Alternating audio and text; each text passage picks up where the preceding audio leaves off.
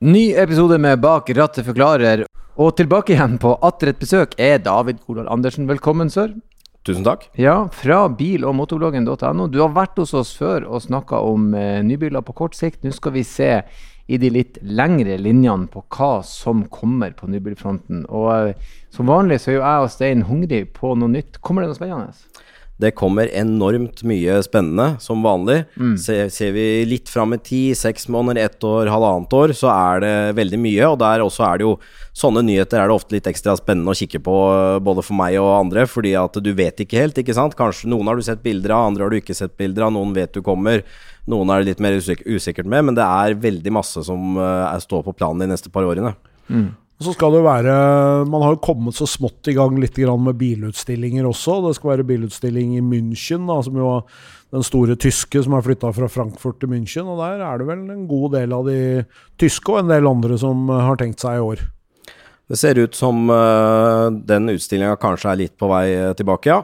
Og selvfølgelig, på bilutstillinger, hvis de er store med mange bilprodusenter representert, så kommer det mange verdenspremierer på sånne utstillinger. Men hvis vi Skal vi starte i enden med det som er litt stort og kostbart, og så kan vi jobbe oss nedover derfra, kanskje? Det er jo et par store biler som veldig mange nordmenn er spente på nå. Det er Volvo EX90 og Kia EV9. Store SUV-er, elektriske selvfølgelig, og med sju seter. Ja, for det har jo vært litt sånn en stund at uh, i Norge så har vi jo vært uh, Vi var jo veldig glad i stasjonsvogner og litt sånn store litt store flerbruksbiler noen år, og så forsvant jo de helt ut. Og så er det nå SUV-ene som har overtatt, men der òg finnes det nå etter hvert noen elektriske biler med sju seter. Og da snakker vi litt mer sånn ordentlig sju seter, og ikke bare sånne klappstoler bak.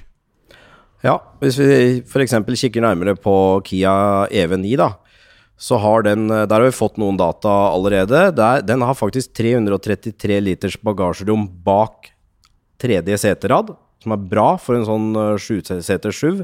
Og hvis du legger ned den bakerste raden og bruker bilen som femseter, tar den jo 828 liter. Så det, er jo en, eh, det ligger jo an til å bli en mega familiebil. Den har uh, Altså, du kan trekke tilhenger med den. Den har 99,8 kWh batteri og rundt 500 uh, km uh, rekkevidde. Det er liksom en sånn bil som fyller de aller fleste behov en norsk familie som vil koste på seg litt ekstra, har, da. Og da begynner vi vel å se fordelene med disse bilprodusentene nå, etter hvert som de får plattformer som utelukkende er lagd for elektrisitet. Ja, det ser sånn ut, men uh, samtidig er det Det er klart uh, det er uh, fortsatt sånn at det kommer biler på plattformer som ikke bare er laget for elektrisitet, som ser veldig spennende ut. F.eks. Uh, nye BMW 5-serie, som etter hvert i Norge kommer til å bli veldig godt kjent som I5, som elbilversjonen av den heter. Den er vist i produksjonsform uh, nå. Den kommer nok uh, Produksjonen starter av sedanen i høst, i oktober-november.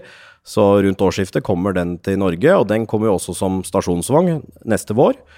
Uh, I elbilutgave er det en E-Drive 40-utgave med 340 hester, og det er også en M60-versjon med 601 hestekrefter med boost, 0 100 på 3,8 sekunder. Så bilene har eh, litt over 80 kWh batteri og opptil 580 km rekkevidde, så BMW I5 eh, kommer til å bli spennende. Og når det kommer en BMW, da kommer det ofte en Audi også som uh, konkurrerer litt i samme segmentet, gjør det ikke det? Ja, dette var jo nesten litt rart, fordi det var jo Audi som viste E-tron, altså en A6 E-tron stasjonsvogn, et konsept først. Eh, men så har de vel litt forsinkelser med denne nye super-elbilplattformen sin som heter eh, PPE. Som bl.a. Uh, kommer til å være basen for det er altså Den er utvikla sammen med Porsche og Audi og kommer til å være basen for neste Porsche Macan, som veldig mange venter på. Audi Q6, som blir en elektrisk SUV mellom Q4 og Q8. Og da A6, den neste generasjonen A6. Men nå har vi jo snakka om de litt, eh, litt, kostbare, litt store, litt dyre. Men hvis vi holder oss litt i, i premiumverden, så kommer det jo en Volvo som blir litt kanskje mer tilgjengelig for de fleste? Det stemmer. Volvo de overraska litt uh, nå i sommer da de dro teppet av EX30, som er en uh, liten SUV. Den minste SUV-en uh, Volvo har laget noen gang. 4,2 meter, så den er hva skal vi si, litt sånn Opel Mokka-størrelse, egentlig. Volkswagen T-Rock. Den kommer med bakhjulstrekk eller firehjulsdrift. Og det er faktisk den raskeste Volvoen noensinne. Den uh, gjør 0 til 100 på 3,6 sekunder. Oi da. Og likevel så er, har den en innstegspris bare litt over 300 000, og sånn Volvo forespeiler prisene nå, så ligger det på 460 000 kroner for en fullutstyrt sånn bil, og det er klart det blir populært i Norge. Ganske gunstige priser da, og i tillegg så vil det jo bli den, den gjerne Volvo-kvaliteten som folk ønsker seg, og som de har opparbeidet seg. Det stemmer.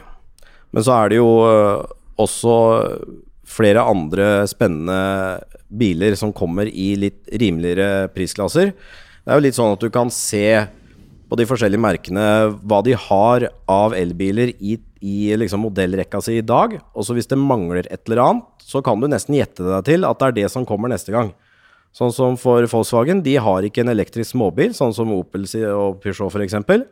Uh, Ergo så kommer det en ny liten elektrisk Volkswagen. Den kommer antageligvis til å hete ID2 og er en uh, ganske spennende bil fordi Volkswagen uh, sier at den skal koste ikke mer enn 25 000 euro, og det er jo rimelig for en elbil. Spørs hvordan kronekursen er, da, men den kommer til å koste et sted mellom 250 000 og 350 000, sånn som, sånn som eh, kronekursen i Norge er om dagen. og og Citroën har vel også en C3 som skal komme en gang rundt ja, inn i, i, neste år, som også konkurrerer litt i det billigsegmentet. Uh, og så har vi jo noen andre småbiler også som henvender seg litt til, til SUV. Vi har jo et merke som var ganske stort i Norge i mange år, men som har slitt litt uh, de siste åra, nemlig Honda. De, de, har jo en uh, veldig kul, smart småbil i dag. Riktignok med litt begrensa rekkevidde, men de òg klinker til med noe nytt nå, gjør de ikke det? Ja, endelig så, så, kommer det noe fra Honda som kanskje har litt større potensial for å gjøre det bra i Norge. Det er en uh, kompakt uh, SUV. Den er ganske lik i størrelsen til dagens HRV, eller kanskje f.eks. en Toyota CHR, hvis det sier deg noe. Uh, men den får et batteri på 68,8 kWt og rekkevidde godt over 400 km, og det ryktes at prisen skal starte på kanskje under 400 000 kroner. Så det vil være et godt alternativ eh, for mange familier som kanskje har litt budsjett, selv om det er en forhjulstrekker, da. Den kommer til å konkurrere litt inn i det segmentet der hvor, eh, hvor vi etter hvert også får sånn som type Astra 308, kanskje til en viss grad også denne nye Volvoen. Altså det er Det som jo er eh, litt interessant, sånn det ser ut fra utsida i hvert fall, er at folk er kanskje litt mindre opptatt av akkurat akkurat hvilket segment bilen er. Uh, men de ser mer på hvor, hva, hvor, mye kan jeg få for de pengene jeg har tilgjengelig, og så ender de kanskje opp med å kjøpe en bil. Det er vel bl.a. sikkert en av grunnene til at uh, Tesla har solgt mye både modell 3 og modell Y, har jo vært at de har hatt en aggressiv prising inn i, i det norske markedet. Og der ser du jo også at uh, bilprodusentene på en måte tilpasser seg litt til det, fordi Hyundai som har en modell som heter Kona, som er solgt veldig mye av i Norge, men det er en veldig liten bil.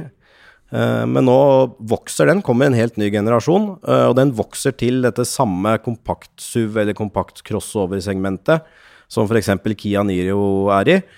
og da blir det en bil som flere kan bruke som familiebil, f.eks. til en rimelig penge. Andre nyheter som vi kan glede oss til hvis vi ser litt lenger framover?